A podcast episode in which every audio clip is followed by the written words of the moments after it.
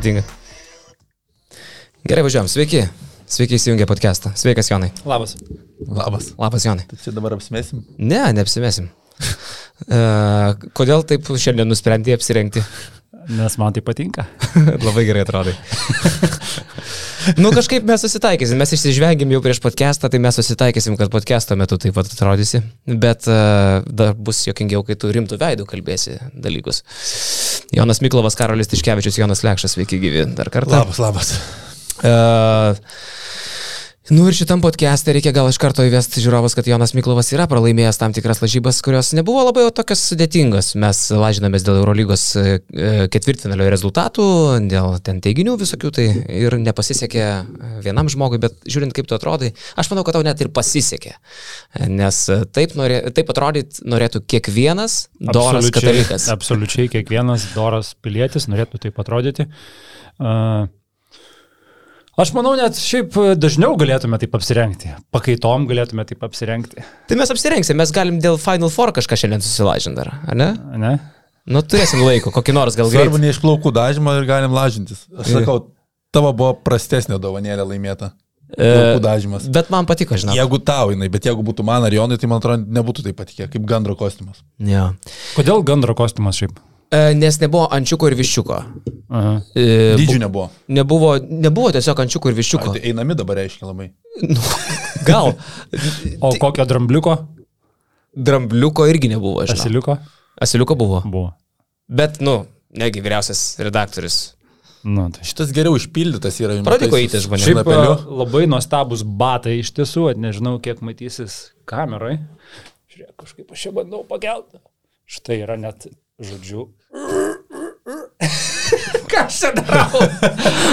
jo, šiaip labai puikus, puikus išpildymas yra, žodžiu, paukščio. Čia ne kanopėlės. Kas čia yra paukščio? G gandras. Ta prasme, kaip vadinasi paukščio tos kojytės? E, kanapėlės. Ne kanapėlės. nu, žodžiu, labai gražiai papuošta. Bet aš lygiai taip pat džiaugiuosi, kad Karolis savanoriškai pasipuošė ne ką blogiau už mane šiandieną. Nu, kad aš nežinau dreskodo. Nu, ne, tu labai žinojai, dres- tu, tu prisitaikai. Jeigu aš esu gandras, tu esi gandriukas. Marozas. Šiandien. Marozas. Tu, tu esi gandriukas. Jo, jo. Tokie patys batai, va, toks pat viršus. Realiai tik snapas dar neprasikalęs. Ir man atrodo, Jonas suprato tik į Vilnių atvažiavus, kad Karolis nepersirengs, kad jis toks ir bus. Nu, aš nelabai suprantu, kas blogai yra. Aš tikrai uh, užsidėjau normalų Ne, tai. Kauno rajonui viskas čia normalu yra. Tikrai. Sport. Mergaitė iš Kauno rajono šiuo metu. Puikiai, tikrai. Ja. Kaip tada turi atrodyti tikras Ne, sportininkas? tai iš Kauno rajono va taip ir atvažiuoja su prabangiom, autom, pra- prabangiom mašinom ir išlipa mergaitė su treningiukais. Tai va, lygiai taip pat. Ja. Okay. Ir dar kavą per langą gauna. Taip ir kavą dar gavau per langą šiandien. Vyrai, bet turbūt, kad mes biški šokiruoti esame, ne? A, Gal lekščiai tu irgi nevaidink nustebusio, kas vakar vyko panevežį Ei. ir tave irgi turėjo priblokšti. 24 taškų tu tikrai Gerai, gerai, palauk, bet aš taip ir turėsiu sėdėti? Jo. Ne, aš galvą noriu nusimti. Nu, Nepatogu žiūrėti. pabūk dar bent. Labai nepatogu, nežinai, ką. Aš bijau, kad čia ir utelių yra. Nežinia, kas tame kostume šiaip buvo prieš tai. Va tai, va, gerai. Šitas podcastas labai daug ką tik prarado. Aš tikėjausi, kad tu rimtų veidus keryčiasi su, su tuo visu, žinai. Ir... Ne, ne, dėja, bet ne. Snapeliu. Okay. Nu tai grįžtant prie to.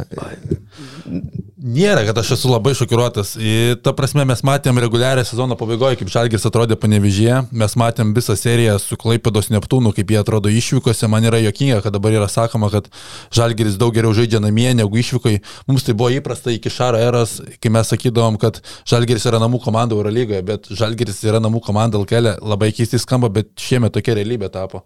Ir man yra gal labiau šokiruota tai, kad dabar yra serijoje ne 2-0, nes pirmą mačą irgi. Ir laimėjo negeresnė komanda. O iš kur atsirado šitas, kad Žalgeris yra namų komanda LKL? Žalgeris LKL rytui pralaimėjo triuškinamų rezultatų. A, Žalgeris LKL nelabai kam pralaimėjo. Ir šitas be kitų, atsirado. be, be, be ryto nelabai kam pralaimėjo. Nei namuose, nei išvyko. Kad nuo atkrintamųjų, kas jis Maksvidis po konferencijos, konferencijai, aš žiauri podcast'ą parašė. Konferencijai Maksvidis visavo, kad keista, bet mes žaidžiam žymiai geriau namuose. Tas pats ir Geoffrey Lavernas sako, žaidžia geriau namuose negu išvykoje. Man yra keista, kad tai yra akcentuojama LKL lygiai. Bet tai irgi yra nesąmonė. Jeffrey Lovernas, atvakar Kazis Maksvitis pasakė, kad geriau žaidžia namuose, bet Jeffrey Lovernas iki vakar dvi blogiausias savo rungtynės sužaidė būtent namuose. Jis sužaidė geriausią mačą Garliavoje, kai surinko 23 naudingumo balus, o šiaip su Neptūnu buvo du jo prašiausi mačai iki šiol, būtent namuose. Tai aš suprantu, kad Kazis nori pateisinti Jeffrey Loverną ir surasti, kuris čia neva geras, kuris čia blogas, bet jis tiesiog jau atrodo, kad yra šitoj sezono stadijoje blogas. Aš nežinau, ar jis turi gal kokį kontraktą pasirašęs, ar, ar kas su juo darosi, bet uh, jis nežaidžia gerai nei namuose, nei išvykoje. Jo, matai statistiką? Mačiau, aš. Irgi... Du blogiausi mačai iki vakar buvo namuose. Tai iš kur tas ištraukta? Dėl to, kad Garliavoje 23 balai, dėl to čia geriausiai jis namuose žaidžia. Nesąmonė. Daug apie kiekvieną. Garliavo net nėra namai šiaip. Nu, okei, okay. tipo Kaune, žinai. Bet čia yra, čia yra fakto klaida, aš nežinau, ką Kazis nori pateisinti, bet čia fakto klaida. Žinai, ir nėra šitai komandai stabilumo, kiekvienose rungtynėse tu pasidžiaugi Žalgerio gera gynyba, bet aš vakar prieš mačą rašiau, kad Žalgeris gali džiaugtis atsitiktinę gynybą, tai nėra gynybos komanda, nebuvo ir palimo visą sezoną ir vakar matėme, kad gynyba yra tiesiog jaurai ir dažniausiai tai atsitiktinumo dėka, to, tos maži skaičiai yra pasiekimi. Nėra užtikrintumo stabilumo, reiškia, kad nėra lygio, kuomet nėra stabilumo. Apie tą gynybą kalbant, jūs praeitą savaitę pakalbėjote apie tą Domaičio pasisakymą, kai čia sėdėjo tai manęs rytis, apsirengęs kur kas geriau negu aš. Normaliai tai atrodo. Jūs tą frazę Domaičio apkalbėjot, bet aš dar noriu prie jos grįžti, nes mano galva čia buvo nepagarbiausia, kas kažkada viešai būtų pasisakęs apie Žalgirį. Ta prasme, Domaitis atėjo ir galbūt įgyjęs patirties kalbėdamas podcastuose, pikenrolė, kur trupučiu atviriau pradedi kalbėti, jisai labai korektiškai, bet ir tuo pačiu labai skaudžiai sudegino žalgyrį. Ta prasme, man ten tas, kai jisai pradėjo vardinti, kaip anksčiau būdavo, kaip tu renkėsi ką atakuot, ir jis dabar pavardžių neįvardino, bet jis toks vos neprunkštelio, sako, dabar pažiūri, prieš ką tau reikės pult ir tu gali 3-4 atakuot. Tai man šitas, aš noriu dar kartą jį akcentuoti, kai oponuojančios komandos treneris, kuris ką tik pralaimėjo seriją, bet pralaimėjo ją taip, kaip kaip garbingai pralaimėjo. Ta prasme, tokia komanda, jis tų dviejų pergalių net neturėjo iškovoti, jis iškovojo dvi pergalės. Ir kai jisai pasako šitaip apie varžovų komandą, kad šita komanda gynyboje praktiškai yra neįgali, jisai tai, tai pasako tik tai kitais žodžiais. Ir to pačiu ta pati komanda yra ir polime neįgali. Vakar matėm panevežį. Pirmose rungtynėse Žalgirį patempė Tai Websteris, kuris staiga netapo žymiai geresnių žaidėjų. Jisai toksai, jis iššovė tą kartą. Jisai tą kartą sužaidė, jisai patempė Žalgirį šeštadienį Kaune. Jis ir vakar išginėjų, ko ne vienintelis patempė. Nes jisai vienas iš kelių, kuris dar ant kojų pastovi. Prasme, čia jo, jo geriausia savybė yra tai, kad jisai sveikas yra, lyginant su kitu žmogumi, kuris turi būti starto penketė. Bet 55 taškai vakar, minus 24 ir toksai žaidimas, kur man, aš, aš bandžiau prisiminti, man čia yra turbūt vienas gėdingiausias, jeigu ne pats gėdingiausias visų laikų žalgerio pralaimėjimas LKL. E. Aš manau, kad tai yra gal ne pats gėdingiausias, nes pati gėdingiausia tai aš pamenu Siemens arenui. Ten gal Bagatskių. Jo, ten gal 40 taškų buvo kažkas. Ne Bagatskis ten buvo. Gal ne Bagatskis, ten Leitsonas darė, ką norėjo, jeigu aš neklystu. Aš atsimenu, kaip Bagatskis. Ten grafikas buvo. Kiek ten taškų? Ten 40 gavo. 42, jo, jo. tais 29 mhm. tai ten, metais. Tai ten tikrai buvo, tas, va, ten tikrai buvo pats gėdingiausias visų laikų pralaimėjimas. Čia sakyčiau, kokioje antroje vietoje. Antroje, trečioje, gal kažką pamiršau, bet... Uh, jo. Bet ten, žinai, ten buvo rytas, čia yra lietkabilis, bet kokia atveju tai yra Europos turės komanda, kuri iškrito aštuntfinalyje. Ten rytas buvo galingas rytas. Ja, ja, bet 40 taškų nuo Z, čia, žinai. Čia 25. 24. E, taip. Ir, žinai, man atrodo dabar labai yra supaprastintas žalgerio žaidimas, kad jis Maksvytis atėjęs stengia supaprastinti labai aiškiai visą žaidimą ir vakar tas supaprastinimas, kuomet tu tiesiog bandai laužti per Geoffrey Laverną vieną, antrą, trečią ataką, prisitaikęs yra Lietkabelis prie to, labai lengva varžovams prie to prisitaikyti ir nežinau, ar tai yra susiję, kad Eurolygos sezonas jau pasibaigęs ir kažkiek žaidėjų galvose jie yra atostogose, bet prie Jūrės Dovco komanda net žaidė geriau. Ne tik per Loverną, Lietkabelis gerai pasiruošęs. Pavyzdžiui, Žalgiris tarsi turi stiprybę Kevanau prieš Gedimino Reliką, arba vakar Kevanau prieš Vitenį Lipkevičių. Ir vos tik tai taip atsitinka, Kevanau gauna kamoliuką ant uselio, ar prieš Oreliką, ar prieš Lipkevičių, Tai ne tik, kad nereikėjo Berzinio pagalbos, vienas prieš vieną apsigynė ir Orelikas, ir Lipkevičius, vienas prieš vieną, nors pagalba buvo pasiruošus, tikrai, akivaizdžiai, Berzinis jau buvo pasiruošęs padėti. Tai net ir ta stiprybė, kurią mes įvardinam kaip žalgerio stiprybė, na va čia ketvirtas numeris, va čia jau gali atakuoti, Kevanau prieš Oreliką, net ir čia nėra stiprybė. Tarsi galinga priekinė linija. Lovernas ten, jau jeigu nebus Gagičiaus aikšteliai, tai Berziniui išabaš. Berzinis apsigynė 3-4 atakas, Lovernas nieko negalėjo padaryti. Ir kai Lovernas jau pradėjo kažką judėti, tai sunkiai, per vargus, per, per kančią išgimdė vieną kitą metimą, bet tai vėl buvo tragiškas pasirodymas. Ir aš galiu pasakyti du skirtumus. Abi komandos gynyba dažniausiai, dažniausiai žaidžia stepautą. Kuomet yra aikštelė Berzinis Žalgeris keičiasi, bet kuomet stepautina, prieš Lietkabelio stepautą kažką pramuš stengiasi vienintelis Lukas Lekaičius, kuris eina giliau. Kuomet kiti žaidėjai, jie vienas, du driblingai sustoja, ieško perdimo. Lietkabeliui labai lengva susiratuoti. Kuomet Žalgeris stepautina, ten prasiveržia ir Kalaidzakis, ir Gedraitis, ir Žemaitis, ir Radyčiavičius. Ten yra žymiai aštresnė komanda. Tokį Kalaidzakį pažiūriu ir kai Lietkabelis, kai jisai žaidžia uh, antrų numerių ir jisai persivirinėja kamuolį kitą aikštelės pusę, aš save prigavau dabar Žalgerio arenai. Uh, šeštadienį žiūrėdamas, kai tiesiog tavo atakuojantis gynėjas pasiema kamuolį ir persivaro kitą ištelės pusę. Ir aš galvoju, o ir taip vaikyti būna. Supranti, va, atakuojantis gynėjas, jisai sugeba paimti kamuolį ir persivaryti. Nes žalgyrėje to beveik nėra. Žalgyrėje šį sezoną, okei, okay, Strelnikas, jeigu jis ir paima kamuolį, jis netrodo taip užtikrintai su to kamuoliu. Lukošiūnas to nedarys, Milaknis, jeigu žaidžia antrų, to nedarys. Ele, elementariai sakau, net tu pamiršti, kad tavo antras numeris turėtų būti žaidėjas, kuris gerai valdo kamulį. Nes to žalgyrėje nėra. Ir kai įspūdingiausia vakar trečio kelnio pirmą ataką, po ilgosios pertraukos tu išeini į aikštelę, žalgyris pradeda trečią kelnį. Atrodo, kur jau turėjai išeiti, ar ne, ten apsikalbėjęs, susikaupęs, užsivedęs. Tai buvo viena tragiškiausių iš viso žalgyrio sezono atakų, kur pamušinėjo, pamušinėjo, perdavinėjo, e, Websteris palingavo pališoninę liniją, beveik prarado kamuolį, nusimetė Lekavičių, Lekavičius vargšas ten įstumtas į padėtį kažkokią vos ne kablį metę iš pokrepšio kažkokį. Ne iš pokrepšio, ten iš gana nu, ten iš galinės linijos. ten, Jo, jo, bet ten toks, buvo toks nusivylimas veiksmuose. kas, kas čia per ataką? Ir man sakau, tai yra pirma ataka po ilgosios pertraukos. Patyčia kažkokia netaka šiaip. Ir tai yra iliustracija viso žalgerio, kuris yra šituose playoffuose kaip Jonas minėjo, serija turėjo būti 2-0. E, pirmų rungtynių pabaigoje Orelikas su Gagičium 2 prieš 1 eina prieš Lekavičių, 9 kartai iš 10 tai yra Lietkabelio taškai, mažų mažiausiai pražanga. Tas vienas kartas čia įvyko, kur jie kažkokiu būdu sugebėjo neužpulti ir dėl to Žalgiris laimėjo. Aš tai vis galvoju, Lekavičiai tas vaizdas, kaip turėjo atrodyti, kai atbėga Aurelikas su Gagičium, bizonų banda ant Pocahontas pareina, žinai, toks mažiau, bet, nu, kosmiškai atsilaikė. Jo, tai čia tikrai čia turėjo būti 2-0 ir dabar yra 1-1, bet Žalgris netrodo kaip favoritas šitos serijos, toli gražu. Jo, primityvios Žalgirio atakos, paminėjai tą pirmą ataką trečiajame kelnyje, primityvus tas laužimas per baudos aikštelį ir pažiūri kitoje pusėje, kiek daug opcijų turi Lietkabelis išvesti po krepšių Džordžią Gagičių, kuris atrodo dabar geriausias serijos aukštaugis, nors būtent prieš seriją tu sakei, kad visi sakė, kad e, nužalgir didžiausias pranašumas yra priekinė linija. Dabar visiškai atvirkščias vaizdas, kiek pas Lietkabelį vakar buvo tokių atakų, kur su dviem ekstra perdavimais per ataką tu surandi laisviausiai įmanomą metimą. Ir tie metimai irgi, Žalgiris pataikė vieną iš 17, tai prametė kelis laisvus tritaškius trečiajame kelne, kurie galėjo kažkiek priartinti Žalgirį, bet Lietkabelis Žalgiris irgi prastų procentų metė tritaškius, 32 procentai vakar. Būtent aš vakar e, Čianako dar bandžiau paklausti, ar tikrai, na, aš norėjau užvesti ant kelio, ar tikrai yra taip, kaip mes įsivaizduojam, kad Žalgiris turi geresnę priekinę liniją. Nes nutarsi, taip turėtų būti, jeigu ir turi Žalgiris pranašumų, tai ten. Tai jau net ir Čianakas, kuris jau taip paprastai ten nekomentuoja nei varžovų, nei nieko, sako, nu, pažiūrėjus į CV, tai taip, Žalgiris ten turi geresnę priekinę liniją, bet pas mus yra komandinė dvasia dvasia, chemistry, mes turim, mes turim planą, mes vienas kitą tikim, pasitikim.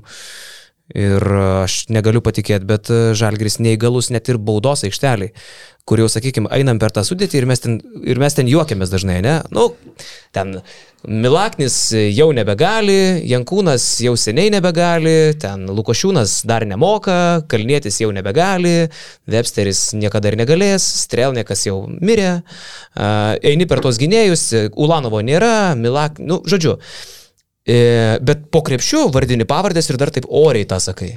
Bet tai ten irgi, sakau, aš tai galvoju, kad Lovernas arba jis turi kontraktą ir jis tikrai kitais metais Kaune nebelieka, nes jau seniai tokios kalbos yra.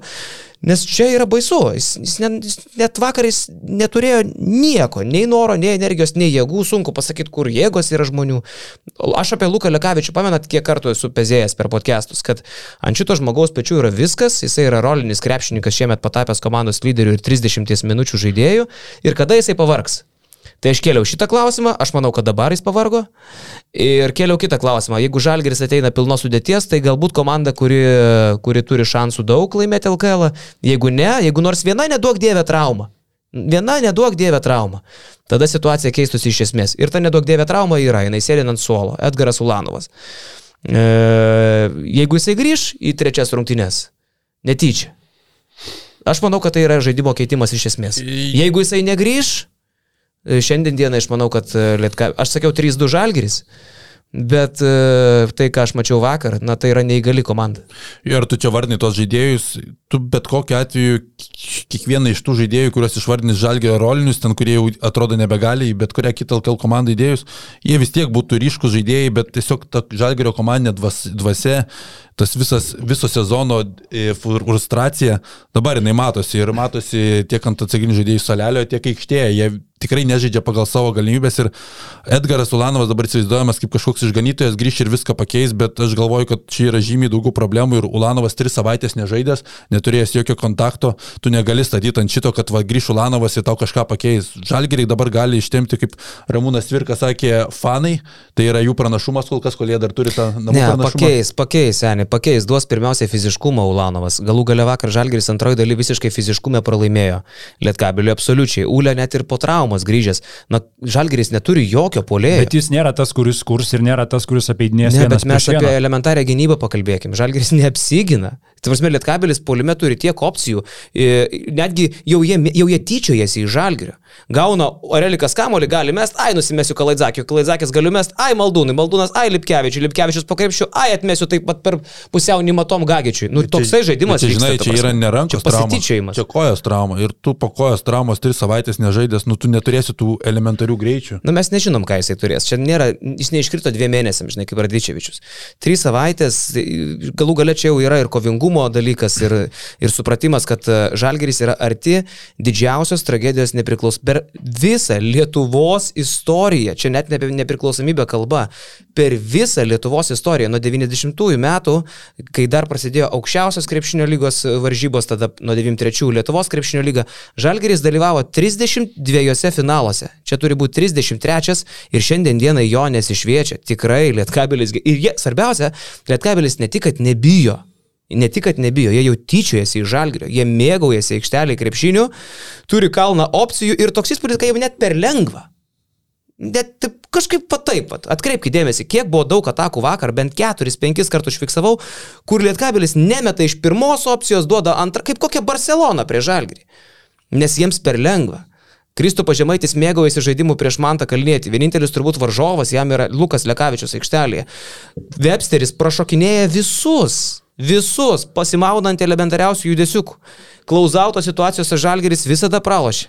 Baudos aikšteliai viską pralošė, fiziškume pralošė, kovingume pralošė. Žalgeris neįgalus šitoj serijoje. Ir pirmos rungtynės yra atsitiktinumas, kaip tu pats ką tik ir pasakėjai. Lukas ten buvo Lietkabelio grajus, Lukas Lekavičius pasitiko bizonų bandą, kuri kažkokiu būdu jo nesutripė. E, ten buvo plus 10 lietkabelio pirmoji pusė ir tas toksai gal startinis jaudulys, kad tu gali nugalėti žalgį ir ten tikrai lietkabelį žaidė geriau, daugiau naudingumo balų surinko, ten net prastai labai atrodė visi keturi perimetro linijos žaidėjai, neskaitant Klaidzakio, kartu surinko vieną naudingumo balą ir jo, labai labai didelės problemos. Vakar matėsi ta frustracija didžioji, kuomet Karolis Lukošiūnas bandė uždaryti dėžutį Kristubą Žemaitį, buvo sušilpta pražanga, Lukošiūnui techninė, tada techninė Kazijų Maksvyčio apeliuojant į teis, teisėjų sprendimą, bet tas teisėjų sprendimas sprendimas buvo absoliučiai šimtaprocentiniai geras, toje situacijoje Krisui prakirto barzdą, išvežė į ligoninę susiūt. Tai... Čia dėl Lukošiūno emocijų, tai? Nu, aš tai vėl sakiau, aš komentuodamas tada pasakiau, kad čia Lukošiūnas ir Kazys ardosi ne dėl šito teisėjų sprendimo. Aišku, ten spaudos konferencijoje irgi Kazys, e, aš nekomentuoju teisėjų sprendimų, jūsgi žinot, na, jeigu nori surasti šiknojus liekų, gali grįžti kažkokius neva teisėjų sprendimus vieną kitą, kur aš irgi manau tą patį, kad tu, bet ten jau jie, nervin, jie nepyko ant teisėjų, jie pyko ant savęs, konkrečiai, ant savęs pačių. Lukošiūnas net Websterį nusistumė. Ta prasme, jie pyksta ant savęs, jie yra neįgalus ir tu tiesiog negali pakilti, nes tu negali. Ir čia net ne jie kalti. Yra dėdė, kurio, kurio nebuvo vakar panevežį, man atrodo, ne? Kuris sakė, kad didžiausia sezono klaida yra Šileris, Tai didžiausia sezono klaida yra Motejūnas, vienareikšmiškai. Ir čia nėra jokių kitų kaltų. Čia gali vardint ir vardint. Nėra kitų kaltų. Ir viskas. Ir, Reikia pažiūrėti, ir tai yra siaubas. Koksai Žalgiris atėjo į šitą seriją, įmant visą sezoną, ar ne? Pusfinalio serijoje Žalgiris yra be pagrindinio žaidėjo, žmogaus, kuriam buvo projektuojama prieš sezoną šitą poziciją. Pagrindinio žaidėjo jie atsisakė spalį ar lapkritį? Lapkričio pradžioje. Lapkričio pradžioje atsisakė pagrindinio žaidėjo. Šitoj serijoje Žalgiris yra ir be pagrindinio atakuojančio gynėjo.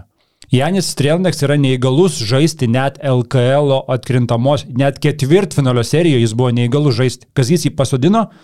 Sėdėk, jis yra brangiausias visų laikų 3 minučių žalgerio žaidėjas.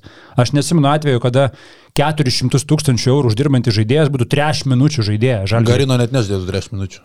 Grino net nežaidė. Jo, jo, bet irgi tas. Ryte kažkada buvo Aurelijus Žukauskas už didesnę net sumą. Okay, jo, va, jo, jo, čia, čia, čia geras pavyzdys. Tai va dabar toksai pavyzdys yra žalgerė, kuris per tas 3 minutės vėl yra ant kiek absurdas, ar ne? 3 minutės, kai tu gauni, kai tu kaip jaunas žaidėjas jas gauni, tu išėjęs tu ardaisi, griūni dėl kiekvieno kamulio, neatmetinėjai niekam ten iš pokrepšio kaip Marekas, ne, viską bandai pats suversti, kartais net iš to noro, žinai, perstengi ir pridarai žalos daugiau, bet tu matosi, kad tu degi, nes tau tai yra šansas. Tie, kas vakar netripė dėmesio, pažiūrėkit, koksai Janis Trelniks įėjo ketvirto kelnio vidury į aikštelę. Jis ne tai, kad nebandė stengtis, jis bandė nesuprakaituoti, kad nereiktų po rungtinių į dušą eiti. Iš esmės tai buvo. Ne, tai nu, čia yra pažeminimas. Tai buvo vaikščiojimas kojos už kojos, tai apie ką kalba? Jis išleidžia kaip 16 metų mergaitę, žinai, toks, toks žaidėjas jis negali būti 3 minučių žaidėjas ir tai nėra jo kaltė, tai yra kaltė klubo vadovų, kurie visų pirma nusprendė įsigyti krepšininką, kuris yra lūštantis po sezono, kuriame jau turėjo Patricijo Garino, įsigyti antrą kartą tokį patį žaidėją ir dar ką sudegti. Einam toliau. Į esminės kovą Žalgris ateina ir be savo starto penketo trečio numerio. Šiuo atveju tai yra nekontroliuojama, tai yra trauma, kuri yra neišvengiama. Bet yra trys žaidėjai, kurie turėjo būti starto penkete, jų nėra. Ta prasme, jie pusnulį pasitinka be trijų starto penketo žaidėjų ir turėdami trečią trenerį per sezoną. Ar tokia komanda logiškai galvojant, logiškai žiūrint, kad ir kaip tu bežiūrėsi, ar komanda be trijų starto penketo žaidėjų ir su trečiu treneriu, ar jinai gali kažką pasiekti, man tai čia nelogiškai skamba, čia, net, čia nereikia nieko tikėtis iš jų, kad jie yra tokioje situacijoje. Bet supranti, vad pavyzdžiui, jeigu aš priminėčiau tokius sprendimus, Strelnekas, trys treneriai per sezoną, Websteris, Dragičius, ten Garino prieš tai, Blaževičius 120 K, 3 metai ant suolo ir taip toliau aš kaip ir, nu, aš nesu, iš manęs to ir negali tikėtis. Aš esu tiesiog krepšinio mylėtojas, nesu profesionalas, į rinką neįėjęs, ten tų visų sąrašų neturintis, su agentais nebendraujantis. Bet kai tokius sprendimus priminėja žmogus, kur tu vis tiek lauki, nu, lemba, čia yra dzėdas, čia jisai supranta krepšinį, jisai čia gilinasi, jis daug metų tame dirba, jisai, jisai visus pažįsta, kontaktus turi, Eurolygos valdyboje sėdi, na tai yra vis tiek smegenys, kažkokio analitinio mąstymo, kažkokio žvilgsnio į priekį, kažko, ko pats nesugalvotum, tu tikiesi iš tokio žmogaus. Na aš nesugalvoju, bet tu esi krepšinio žmogus, parodyk man, kad aš durnelis. Bet kai priminėjami daugiau daugiausiai mano lygio sprendimai, žmogaus, kuris vadina save žalgerio savininku, ten nedėdamas net cento, ir toliau nachališkai aiškina, kad jis kitais metais komplektuo šitą komandą, čia yra gėda. Čia nėra vyriškumo. Jeigu jis kitais metais komplektuoja komandą, čia nėra vyriškumo. Nes vyriškumas yra atsakomybė. Hebra, viso, mat aš parodžiau, kad aš negaliu. Va čia yra vyriškumas. Aš, paro, o nes spaudos konferencijoje atsisėdęs pasako, kaip tu komplektuosi su kaziu komanda. Čia nėra atsakomybės jausmo. Ir pas mus vakar patronų grupiai e, kėlė tokį jokingą postą, kur uh, visus dviejus metus į Žalgirio kažkiek pašiepė, ne, ir praeitą sezoną, ir šį, ir kažkas pakomentavo, tai kas buvo pernai blogai. Pernai blogai, mes jeigu taip atsuktume juostelę pernai metus, aš galvoju, Patricijo Garino įsigijimas pernai Žalgiriui užkirto kelią į playoffus. Jeigu jie būtų turėję normalų trečią numerį, pernai jie būtų Eurolygos playoffų komanda, nes jie išsaugojo visą sudėtį, visą gynėjų. Uh, elitinė gynėjų linija. Ta prasme, tai, kas pernai buvo žalgerėje gynėjų linijoje, tai buvo elitinė gynėjų linija. Tomas Vokup, Rokas Jokubaitis, Marius Grigonis, Lukas Lekavičius. Keturi fantastiški gynėjai, su kuriais, kur žalgyrė nebuvo situacijos, kad jie tokią gynėjų liniją išsaugotų. Ir net su tuo Martinu Šileriu jie būtų žaidę playoffuose, jeigu ne Patricijo Garino kur trečio numerio žalgyrė nebuvo visą sezoną, atsiminkim, ten Vasturė pradėjo, koks buvo skausmas su juo, paskui Vasturė gavo traumą, Vietoj jo Kasmilas buvo pastumtas į starto penketą, tada kažkiek reikalai pradėjo taisytis, bet jeigu būtų buvęs normalus trečias numeris jau pernai, tai būtų buvus playoffų komanda, kuri vėl būtų uždirbus pinigų iš, iš namų rungtynių, nes jau tuo metu, kad ir COVID, bet jau buvo įleidžiami žiūrovai, jau tai būtų uždirbus pinigų.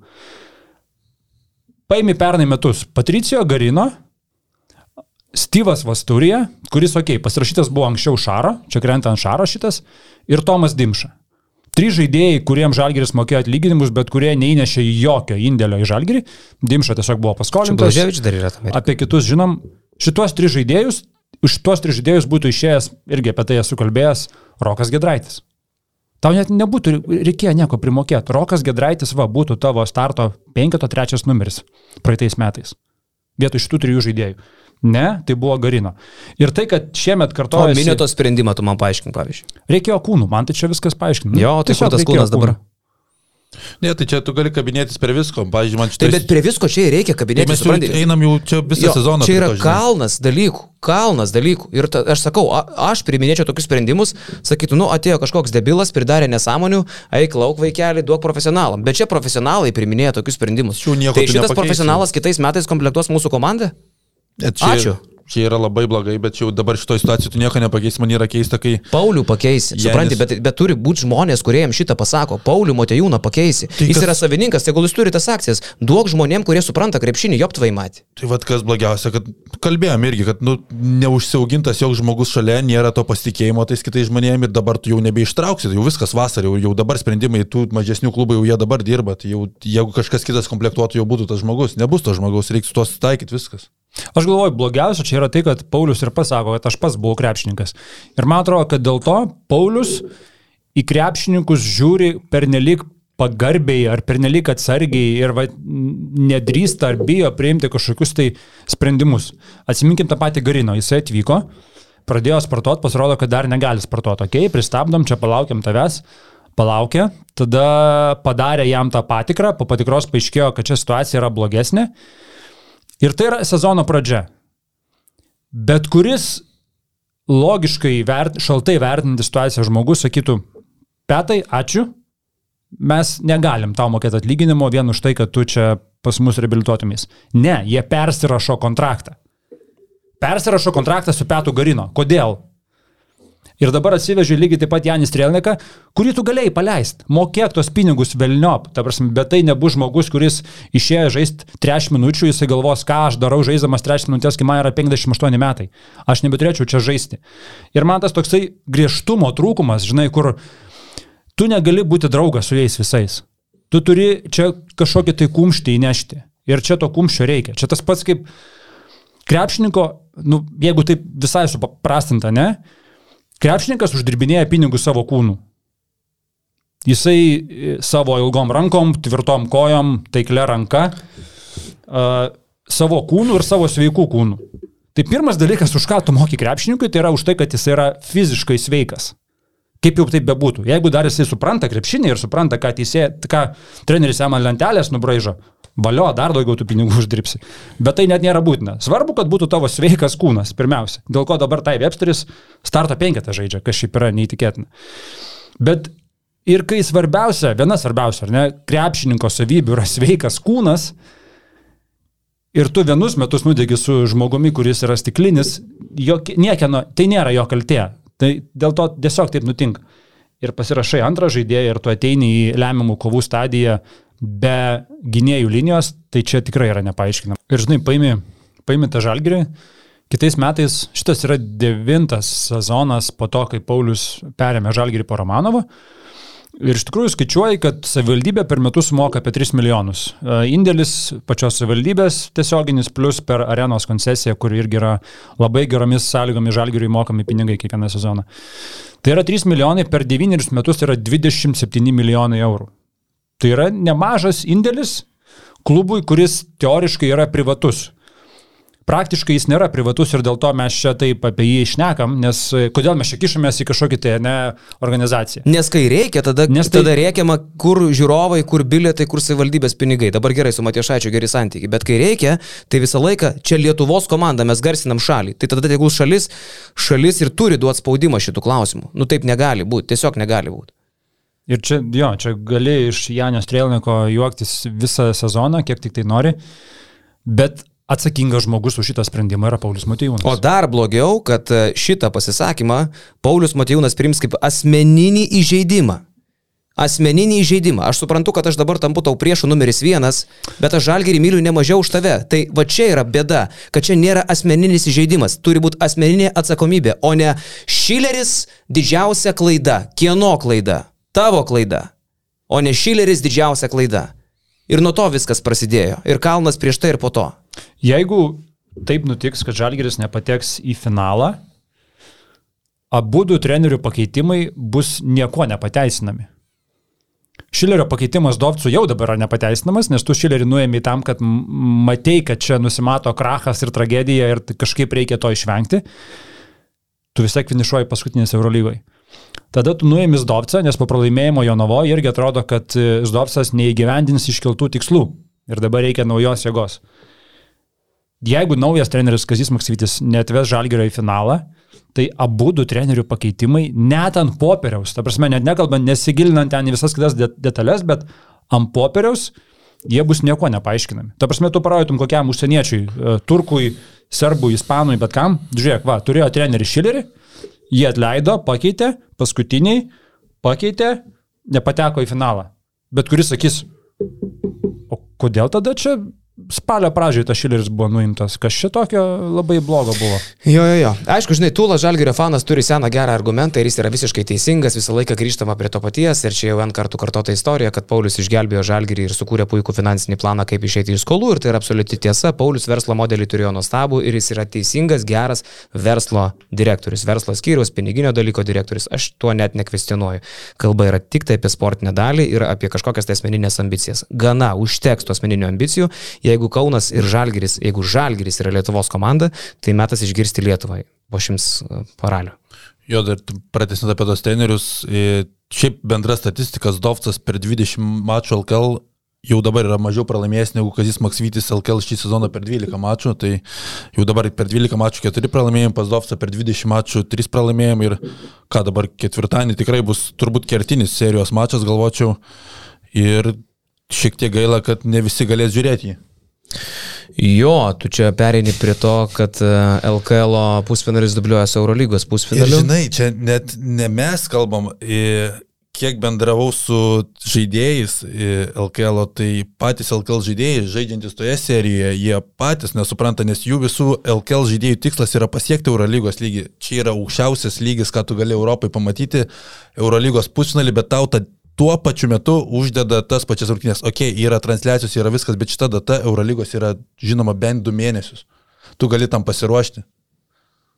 Čia nėra jokio pasiteisinimo. Aš žinau, kad tu turėsi Aš pasiteisinimą. neturėsiu, kodėl jūs mane čia- priimat kaip LKL atstovas spaudai? O, o ką ne? O tai aš manau, kad ne. Aš manau, aš tik tai taip. žinau argumentus, nes aš klausiu LKL, kai tu iškėlai tą postą, nes man irgi pikta, aš irgi noriu matyti. Jo, bet čia, čia, nėra, čia rungtynes. nėra, kaip kažkas atėjo irgi pas mus patronų grupiai komentaruose sakė, toj čia prasidės pasiaiškinimai, kaip a, užimta aikštelė, laikai, Ne, nori čia- pamiegoti čia ir taip toliau. Čia, bet čia nėra pasiaiškinimo jokio. Tai man nieko nesakyt?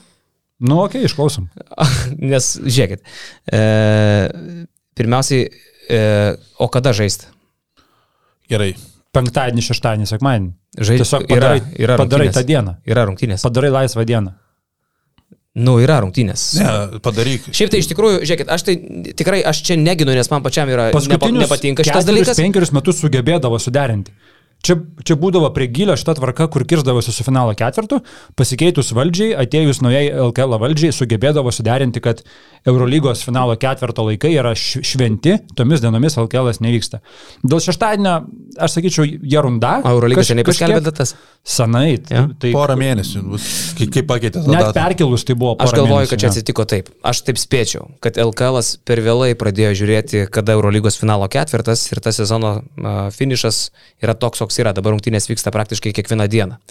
Ir kai pradėjo jau žiūrėti, tada atsitiko taip, kad perkelti į kitą dieną tapo neįmanoma, nes dabar gegužės galas, ką tu žiūri? Ne, nieko. Dabar gegužės galas, viskas yra suspausta absoliučiai. Kiekvieną dieną vyksta grai. Ir buvo tada jau mintis tik Ne tai... kiekvienam. Tarpukas, pavyzdžiui, šiandien. Dabar va nevyksta. šiandien tas Ne. apukas antradienį, trečiadienį Nu, padarė. bet tai ką, dabar žaisi po vakarą? Nu, Ne, tai nežaisi. žais rytas šiandien, o rytoj žalgeris trečiadienį. Nežinau kaip su televizija. Esmė buvo, vat, pavyzdžiui, dėl ketvirtadienio buvo televizijos dalykas. E, ketvirtadienį Eurolygos pusfinalis ir ketvirtadienį Žalgeris Lietkabelis. Tai buvo mintis e, ankstinti Žalgerio Lietkabelio grajų, bet tada būt, nes e, 7 val. lošia pusfinalį Eurolygoje, ne? Tai tuo pačiu metu ir Žalgeris su Lietkabeliu. Bet 5 val. netinka telikui, netinka ir 6. Nu, tipo, negerai. 5 per anksti apskritai, nes žiūrovai 5 val. darbo dieną ten neteis, žmonėmis įjungs sunkiau. tą dieną neturėjo vykti rungtynės. Ta Čia diena neturėjo vykti rungtynės, bet dalykas. aš sutinku pilnai. Bet kad tai atsitiktų, tas turėjo būti numatyta gerokai anksčiau. Gerokai, gerokai, gerokai anksčiau. Ir manyčiau, kad LKL šitoje vietoje susisgrybo per vėlai. Tai kita vertus, pavyzdžiui, aš, aš kadangi komentuosiu, tai aš aišku žiūrėsiu Žalgirį Lietkabelį, bet aš dabartinėje situacijoje labiau domiuosi Žalgirių Lietkabeliu, nei kad Olimpijakos su Efesu. Tai man atrodo, čia tas vienas iš retų atvejų, kada, aišku, hardcore'ui tu gal neįkrėsi, bet masiai tikrai LKL žiūrė, žiūrimas bus daugiau. Sakau, paprastą pavyzdį. Pirmose rungtynėse pusfinalyje Kaune darbavosi penki žurnalistai. Šiaip kas skamba jokingai tie, kas dabar klauso ir galvoja, kad Bet čia LKL daug. rungtynės. Čia Čia, čia, čia, čia jau yra daug. Jo, buvom penkiese. Mes trys abu skaitinius, Olekšas, aš ir mūsų Martinas, uh, Rokas Pakienas 15 minučių ir Vidas Mačiulis, kuris uh, netgi pabėgo iš Kauno žurnalistų specialaus renginio, baliaus, nes tą pačią, tą pačią, tuo pačiu laiku vyko ten žurnalistų šimtmečio kažkokio tai minėjimas, Hebra baliavojo. Vidui krepšinis yra šventas dalykas, Vidas atvažiavo žiūrėti, kaip žalgiriukas kankinasi su lietkabeliu. Tai buvo penki žmonės. Ir aš dabar sakau, kiek iš tų penkių bus ketvirtadienį. Žinau, kad mūsų vienas bus tikrai, galbūt net ir du bus, nes mes vis tiek skiriam dėmesį e, LKL playoffams, e, bet iš likusių, kas, kas, kas dar ateis? Ok, Vidas bus bet kuriuo atveju. Bet tu net kiek, tu net nukerpi dėmesį iš tų žmonių, kurie tą krepšinį myli ir kurie į LKL ateitų. Aš, pavyzdžiui, neįsiu, nes man įdomiau yra Eurolygos pusfinalis ir įdomiau ir aš su tuo labiau dirbu negu su Lietuvos reikalais. Ir, ir aš jį žiūrėsiu. Ir didesnė dalis krepšinio fanatų jį žiūrės, užuot tikrai įdomios pusfinalio serijos. Sezono rungtynės man atrodo. Sezono rungtynės Lietkabelis Žalgris, bet vis tiek daugumai nustelbė aukščiausias lygis Eurolyga. Taip neturi būti Lietuvoje, kad tu turi Ne, rinktis. o ką reiškia daugumai? Ką tu vadini daugumą? Mūsų burbuliuką, kuriame mes gyvenam, čia dauguma? Lietuva. Tu galvoji, kad dauguma žiūrės Anadolų su. Olimpiakosu? Kertam reitingus, patikrinsim. Tai ta prasme, tai tu- LRT plus e, GO3 į- versus BTV. Seni, tu nesiorientuoji. Žiūrės LKL kokius du kartus daugiau žmonių. Kertam dėl dviejų kartų daugiau. Kertam. Dėl dviejų, tu sakai, kad du kartus Tai be, daugiau aš žiūrės. net nebejoju. Ok, ok. Okay. Dabar, aišku, šitie užpykė, tai jie įsijungs, kurie mūsų žiūrėjo, bet čia pažiūrės 30 tūkstančių. E, Kertam. Ok, aš Du sakau- kartus geresni reitingai bus Ok, LKL. ok. Kertam. Gerai. Kertam. Kertam. Iš Puglijos. Gerai. Ne iš gandriuko? Iš gandriuko. A, iš gandriuko. Iš gandriuko reikia ilgesnio etapo, čia reikia sudėtingai dirbti. Uh, va. E, LKL yra žymiai žiūrimesnis už Eurolygą. Tai Išskyrus tais atvejais, kai lošia, išskyrus tais atvejais, kai lošia Žalgeris, su LRT skaičiuojant. Tai LRT rodo tik Žalgirį realiai. Pamatysi finalo ketvirtą. Kam tavo mama įdomus Olimpijakosas su Anadolo FS? Manau, kad įdomus, įsijungtų. Bet labiau, labiau nei Žalgeris su Lietkabeliu, tikrai? Vakar, pavyzdžiui, tikrai neįdomu mano mamai buvo. Ir Anadolo žiūrės, Žalgerio nežiūrės. Jo. Nu, būkim bėdini, bet teisingi. Dešimt mamų iš vienuolikos jungsis, jungsis Žalgerį, Lietkabelį. Mes savo burbuliukę čia gyvenam ir įsivaizduojam, kad čia yra kažkam labai, Jeigu labai įdomu. LRT rodys Eurolygos pusfinalį, LRT atrasti yra kur kas paprasčiau negu BTV. Matai, BTV Nes ten ir pas mane BTV. susiras, 20 patikėk manim, kaip susiras žmonės, kai žinai- kai žalgeriukui dega didžiausia e, nesėkmė per visą Lietuvos istoriją, Degs šeštadienį per mažą į finalą. labai degs ir ketvirtadienį, nes ketvirtadienį pralošė ir čia yra mišios. Mes turim tą suprasti. Čia žalgeris Ir ir kas blogiausia, neištrauksi visų reitingų. GAU3 tau nepatikė jokių reitingų, kiek ten žiūri. Ištrauksime LRT. LRT turi daug didesnį reitingą negu GO3, kokiu pagal tai bus galima prisideda. spręsti. Tai prisideda. Tai pridėsim. Nežinai kiek. Jeigu Grumbinas pasakys, nes čia paprastai būna kažkokia paslaptis labai didelė. Žinai, kas dar turi gerus reitingus? Na, Gerus reitingus turi NordVPN. NordVPN yra laikomas greičiausių ir geriausių pasaulyje VPN servisų. NordVPN, beje, bičiuliai, siūlo visiems, kurie žiūri šį podcastą, labai gerą dylą. Uh, rengda, rengdamiesi dviejų metų planą, žiūrėjimui bet kam, uh, nuo pasikeitimo savo lokacijos tam, kad nemokamai kažką pažiūrėti, iki savo kompiuterio apsaugos, jeigu prisijunginėjate prie viešo Wi-Fi'aus, kad jūs nieks neprisijungtų prie jūsų kompo ir nepažiūrėtų, ką jūs tenais paslapčia bandot naršyti. Ispanijų pasirodymo ieškot Pornhub'e? Ne? Nu, Eurovizijai. Ieškojai? Ne, Gerai. draugas ieškojo. Tie draugai visą laiką, jie va tokie įdomesni, aktyvesni. Aridonas mūsų operatorius ieškojo. Tai NordVPN dviejų metų planui siūlo didžiulę nuolaidą. Šiam 2 procentų nuolaidą, kur mėnesinė, mėnesinė kaina gaunas mažiau negu 3 eurai, 2 eurai 77 centai, nordvpn.com slash basketinius, nuėję šiuo adresu, pamatysite visus tuos skaičiukus, pamatysite viską, ką NordVPN siūlo už savo paslaugą. Lietuviškas vienaragis, beje, vienas iš dviejų vienaragių Lietuvoje, e, nepersniausiai paskelbta, kad surinko 100 milijonų investicijų savo tolimesniai plėtrai, tai jų pakėlė įvertinimą iki milijardo 600, čia labai daug nulių. Jie yra ir žalgerio savininkai, dėl to mes apie žalgerį šiandien taip gražiai kalbam ir Nordva Taip, paėmė. taip. Ta pačiu yra mūsų rėmėjai. Apie kolegas Tesoneto puikiai išnekam. tai yra visiškai, jo. Bet, Kaip Kleizer sakė, akivaizdu, kad Basket Newsas priklauso Tesonetui. Glazer sakė, Akivaizdu. jo, akivaizdu Klausimų turbūt nebekyla niekam. Žalgiriuką mylim ir sunėrė esam, kaip Kleizer rodo, labai giliai. Protingi taip. žalgeris padarė.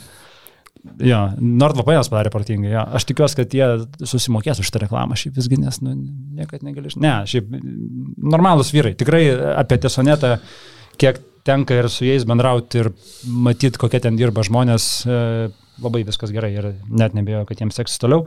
Tai NordVPN yra ir mūsų Eurolygos playoffų pagrindiniai partneriai, jie yra tie, kurie padeda mums, a, padėjo keliauti į ketvirtfinalius, padeda dabar ir nukeliauti į finalą ketvirtą. Tris žmonės nusintėm, neužilgo turėsim skambutį su Donce Urbanu, kuris pasijungs tiesiai iš Belgrado, iš priešo teritorijos, Priešą. priešą, priešo teritorijos, tai likite dar su mumis kurį laiką ir neužilgo skambinsimės Doncijai. Tai va, nordvpn.com basketnius šituo adresu viskas, ką geriausia gali pasiūlyti NordVPN. Taip, sėkmės jiems. Ačiū, O dabar, vyričiai, kad su tuo gandro kostiumu netrodyčiau šitai beviltiškai, aš šiandien pasistengiau podcast'ui, aš padirbėjau prieš Čia bus ilga laida šiandien.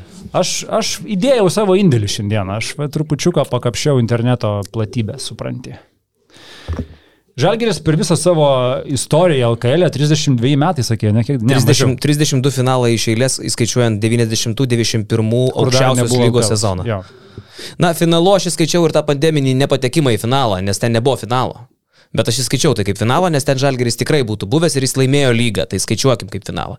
Vyrai, dar vieną faktą pamiršau. Čia būtų 33 finalas. Prie viso e, rento, ką buvau šiandien pasiruošęs apie Žalgirį pakalbėti, dar turiu vieną. Vakar uh, Adrijos lygos pusfinalis. Liublianos čia 9 olimpija namie nukala Belgrado Cervienas Vesda, išlygina seriją 1-1 iki 2 pergalių. Pusfinalis. Visi mes sutinkam, kad Cervienas Vesda yra gera komanda, ar ne?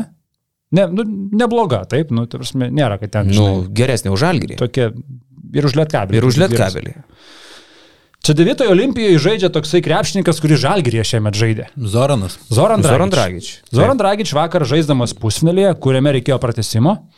Tas senukas atlakstė 37 minutės, žaisdamas už savo gimtojo miesto komandą, jeigu jis gimęs Liublianui, bet, nu, ta prasme, už savo komandą. 11 taškų, 6 kamuoliai, 6 asistai, 20 naudos. Žaisdamas su Cervienas Vėza. Ne šiaip ten kokia, ne, Adrijos lygos paskutinė komanda, tai yra pusfinalio antras mačas, šitas bičias renka 20 naudos. Jo vidurkiai Adrijos lygoje ir Eu- Eurocapė, kuris žaidė, e, 12 rungtynių kažkas tokio, abiejose lygose apie 12 naudos renka žmogus. Taip, mes galim kalbėti, Eurocapas yra žemesnis lygis, Adrijos lyga irgi, bet Adrijos lyga yra geriau už LKL. Ir aš dabar žiūriu į tą patį Zoran Dragičių ir aš galvoju, mes jį turėjom žalgirį. Kodėl mes jį paleidom, kodėl ne Janį paleidom, kodėl Zornas buvo paleistas, čia kažkas, kas čia? Ne, tai čia tas mėtymasis, gelbėjimas sezono, viskas prasidėjo nuo mūdį paleidimo, kai tu mėnesį palauki, viskas su juo gerai, žaidėjai kalba, kad čia matos, kad motivuotas ir tikrai nėra jo problema, kad jis išvyksta, tu jį pirmiausia paleidi, po to pradedi gelbėti, pasiemi Websterį su Dragičium, po to tą patį Dragičių po mėnesį paleidi, trenerius kiti, tai šitas sezonas yra katastrofa, tiesiog iš to gelbėjimo prasmės. Aš sakau, aš, man tai yra nepaaiškinama, kaip kartais Ir kartais kažkokia yra dengiamasi, kad, nu, čia, va, fainas bičias, dėl to išeis, žinai, žalgerį, va, apie tą patį Garino taip kalbėjo, fainas, žinai, čia Pavyzdžiui, kompanijos. Šaras, žmogus, žinai. Šaras turėjo filosofiją, kad žalgeris nėra senelių namai ir kad ir kaip mes respektinam mūsų lietuvius, bet uh, čia ne senelių namai ir čia neatsidurdavo niekas iš tų, kurie jau turėtų nebežaisti žalgerį. O prie išėjus Šarui uh, žalgeris tapo ir senelių, ir neįgaliųjų prieglauda. Pažiūrim, kurie žalgerio žaidėjai per šį sezoną patobulėjo, tapo geresniais krepšininkais. Kur tu jį matėjai rugsėjo spalio mėnesį ir dabar matai gegužę ir sakai, Nybau. va šitas žengia, Nybau yra vienas žaidėjas.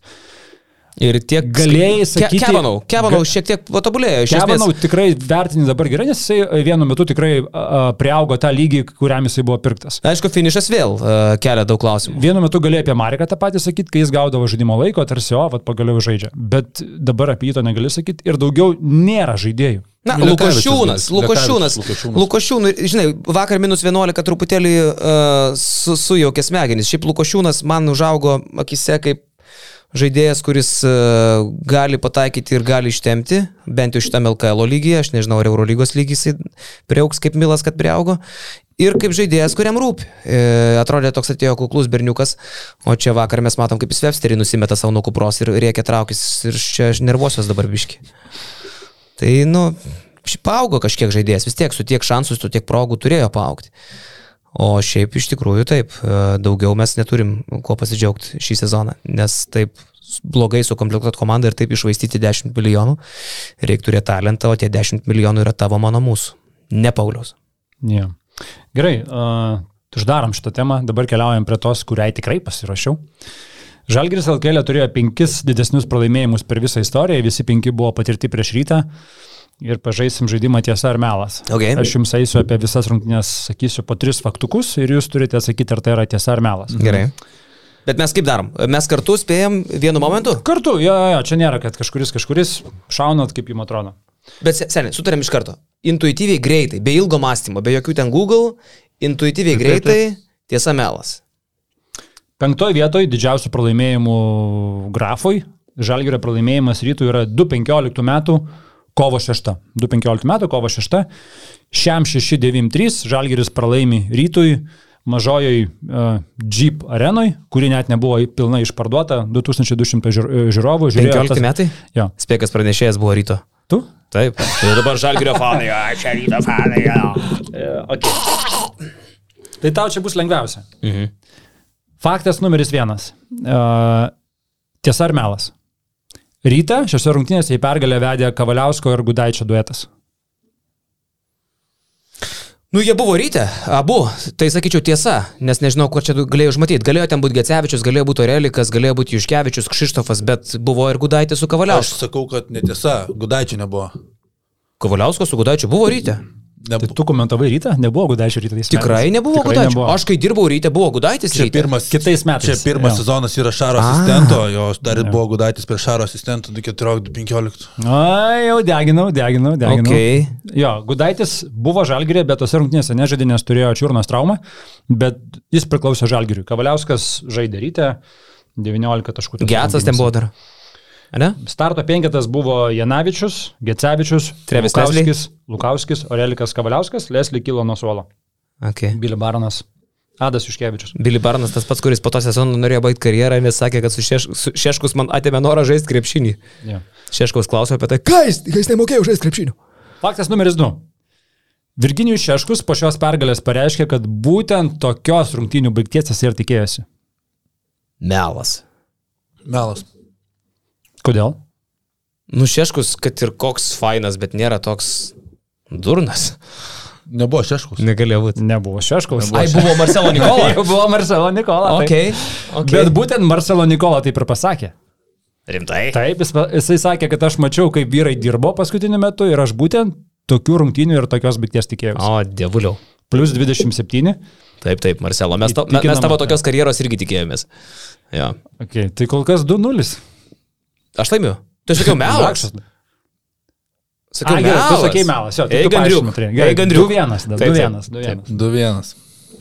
Bet jis gal, kad Češkus buvo ten. vis Jo, tiek. jo, bet aš. Toksai ant ribos. tu galvoji, kad nebuvo tikrai? Aš paskui, Tai kad jis iškart nebuvo. pasakė, kad nebuvo. jo. Okay. Jau tai yra kovo mėnuo. Šlovė. buvo paleistas kada? Komentatorių aš, ryto. aš, neatsi, aš neatsimenu datų, aš, aš atsimenu įvykius, bet datų aš tikrai neprisimenu. Gerai. Žalgiris pralaimėjo šiam 6-9-3 ir faktas numeris 3, tiesa ar melas, tai buvo paskutinis Žalgirio pralaimėjimas LKL tą sezoną. Daugiau jie nepralaimėjo. Tiesa. Tiesa ar melas? Tiesa. Tiesa. Tiesa. Po to buvo 22 pergalės iš eilės, 22 pailių LKL skaičiuojant, playoffai 10-0, 3-0 prieš Lietką ketvirtfinalį, 3-0 prieš Juvę pusfinalį, 4-0 prieš tą patį rytą finale. Mhm.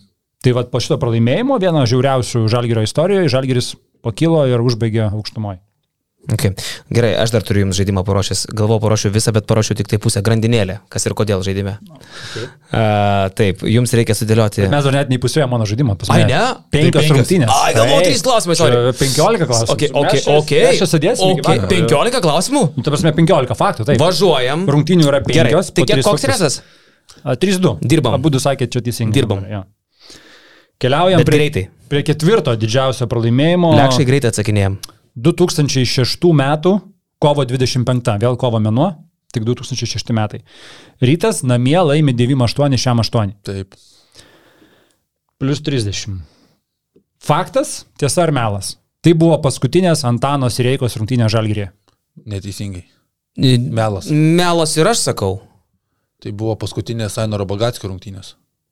Ne, tai buvo paskutinės Antano Sireikos rungtynės. 26 metų, kovo 25 dieną, Žalgiris pralaimi Vilniui rytui, 30 Okay. taškų, ir Sireika su visų savo štabu pasitraukė Ai, iš okay. Žalgirio. Ir jį keičia bagis? Jį keičia Bagis, su kuriuo pasirašomas trijų metų kontraktas. Seniai, labai atsiprašau, aš pasakysiu, kodėl aš galvojau, kad tai buvo melas. Nes kai Žalgiris gavo nuo Olimpijakoso, žiauriai. Atsimeni buvo Eurolygos rungtynės, tas sezonas.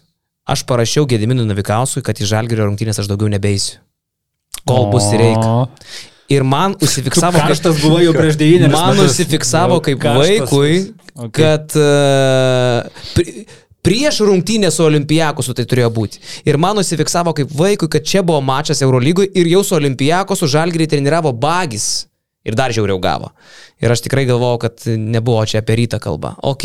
Jo, čia buvo Okay. Sireika, kuris baigė karjerą su liktomis rungtynėmis. Žalgirėje baigė karjerą. Tai gerai. e, 2-1. 3-2. 3-2. Ok. Nu, jo.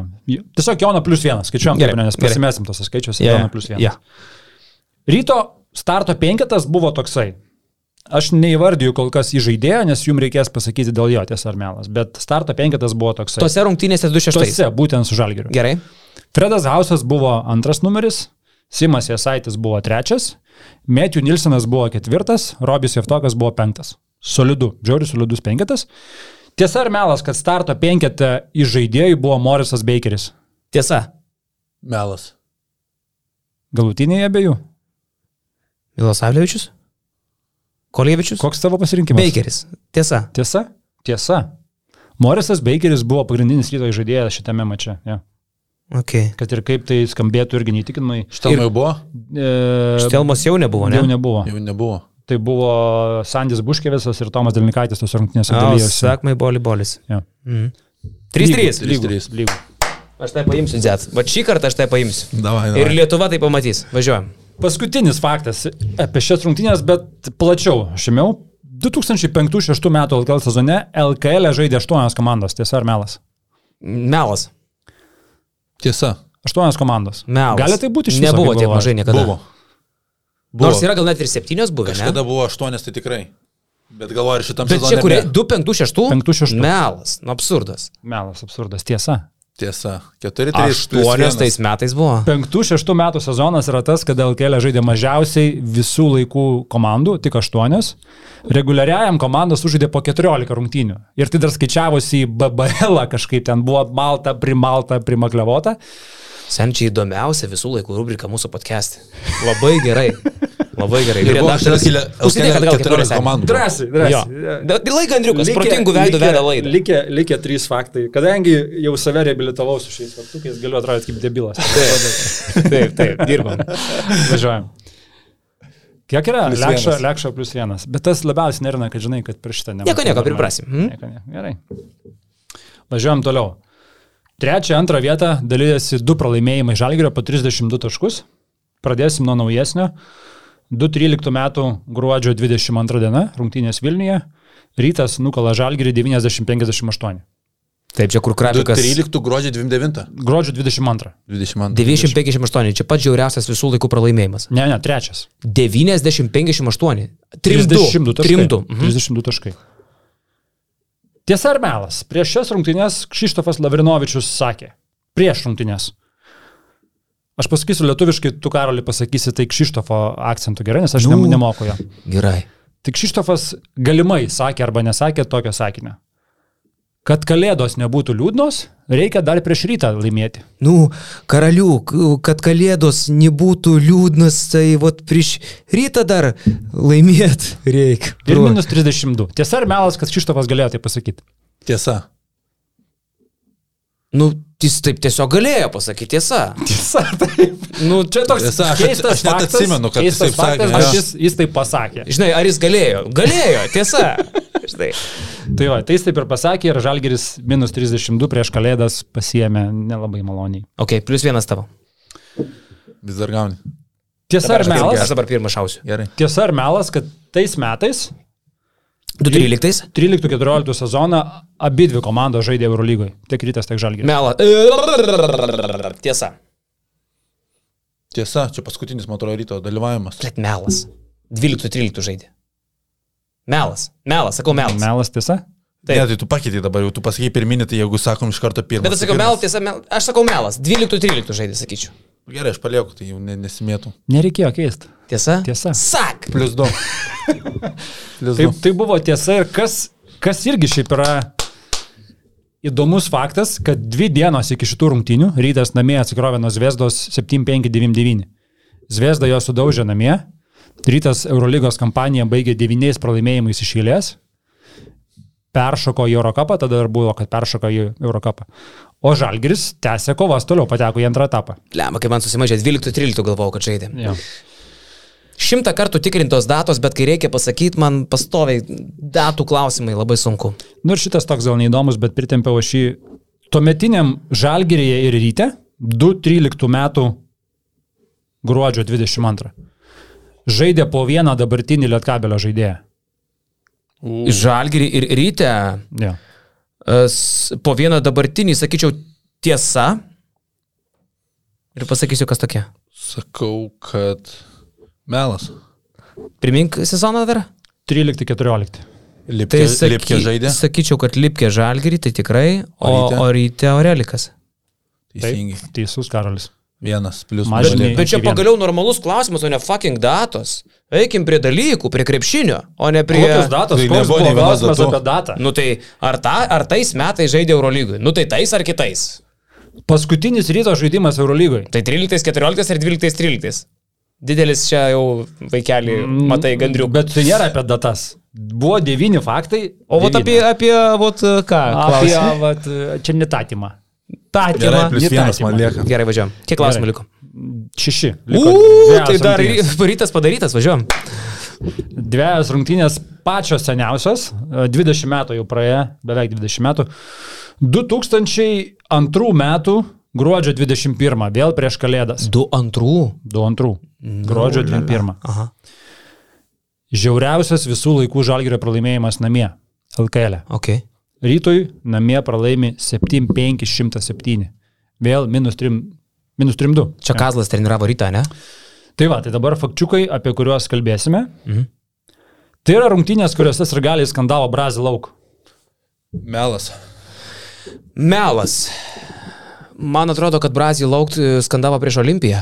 Antra Eurolygos buvo mačas. Eurolygos buvo mačas, teisingai, jūs abu teisūs. Buvo mėnesį pusantro anksčiau.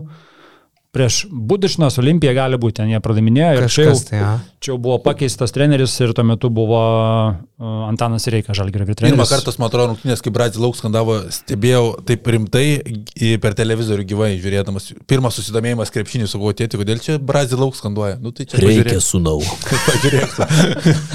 Jo, tai buvo tas sezonas mėnesį anksčiau.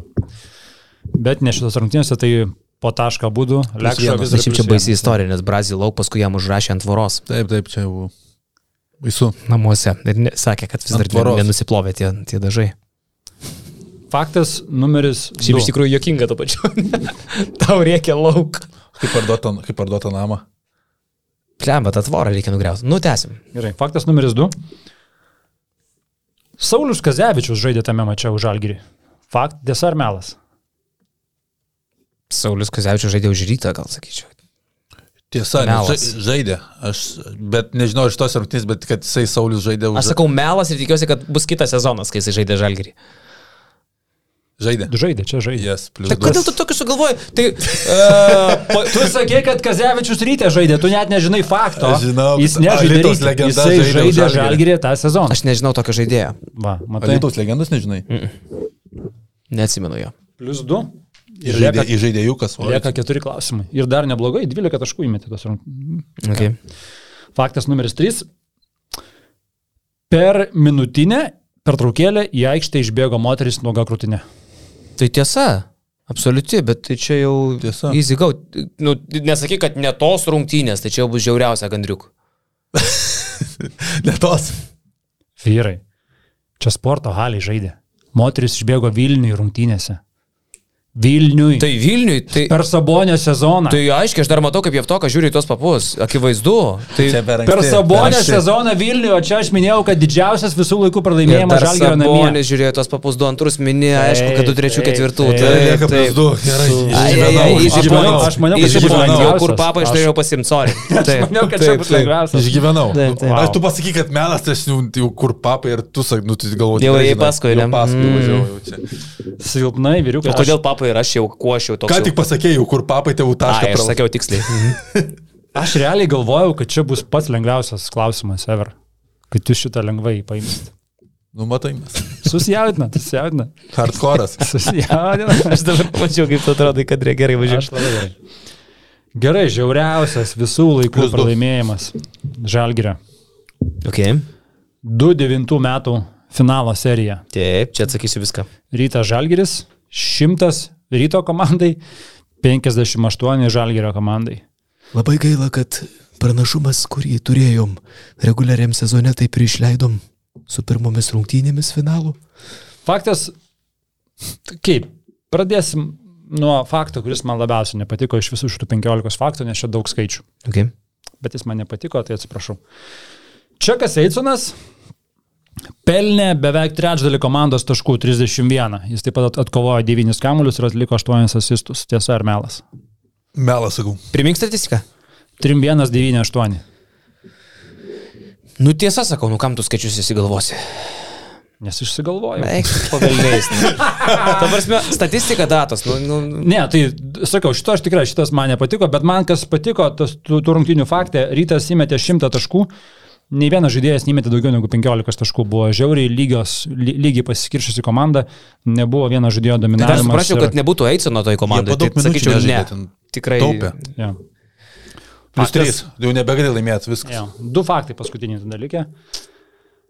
Kadangi, kadangi sugedo atakos laikmatis, kadangi sugedo atakos laikmatis, uh, rungtinių pranešėjas, turbūt Radzevičius Jonas tuo metu turėjo būti.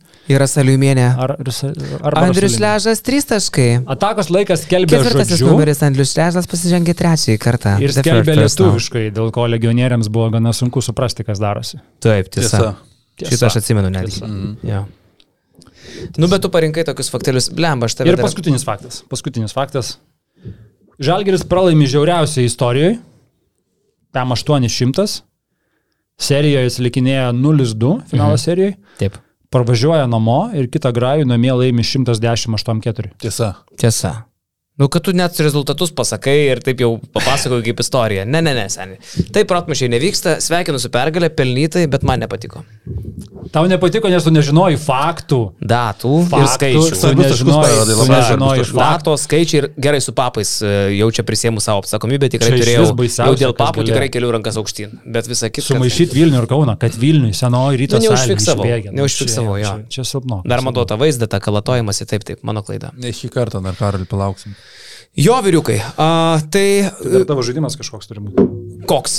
Kas ir Ai, kodėl? gerai, kas ir kodėl grandinėlė. E, tiesiog nespėjau prieš podcastą padaryti visų penkių teiginių. Grandinėlė tai kur viena raidė turi skirtis. Atsimenat, tai pas mane tik skiriasi dvi raidės. Ir e, sąlygos ne penkios, o tik dvi. Tai kuris pirmas sudėliosit? Serbų treneris ir vaistinis augalas.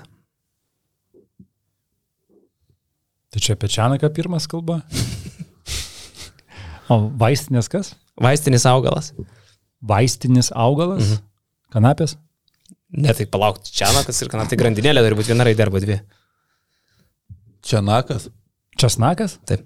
Taip, bet tai kaip... Bet ne, ne- negali. Aš. Bliam, what the fuck? Na Nu, gerai, aš sakiau, kad aš nepabaigiau žaidimą, galvojau, galvojau, nesugalvojau. Gerai, sorry. Gerai, turbūt skambinam Donsijai, ne, į Belgradą. Tai gal dar... Tai Duodam bet dar, laimėjo Jonas. dar, Matei? pa, dar pagarbos, duodam šiuliams.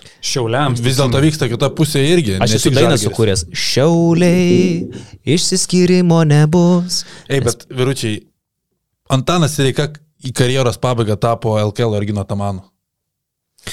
Bet man nelabai patiko Antanas ir Reika tose rungtynėse. Aš ne apie šitas rungtynės, jo kalbu apie jo visas frazės. Žaidžia prieš Utenos Juventus, pra, pirmas mačas sunkiai laimėtas, mes būsim e, finalo ketvirtį, nesvarbu kaip. Pralaimi pirmą mačą Vilniuje, Šiauliuose bus kitas vaizdas, šitoje serijoje matau lygius varžovus. Dabar ką daro, tą padaro šitam sezonui. Ką pasako, tą padaro. Ne, ne visada. Pasakė, kad buvo rungtynių. Jisai da- daug, matai, jisai užakcentuoja tai, ką pasakė ir įvyko, bet neužakcentuoja tai, ką pasakė ir neįvyko. Bet man patinka toks Buvo užtikrinimas. keli live intervai, kur pasakė, ten laimėsim, pralaimėjo ir visa kitka, ir paskui spaudos konferencijoje apie tai irgi būdavo pokalbių.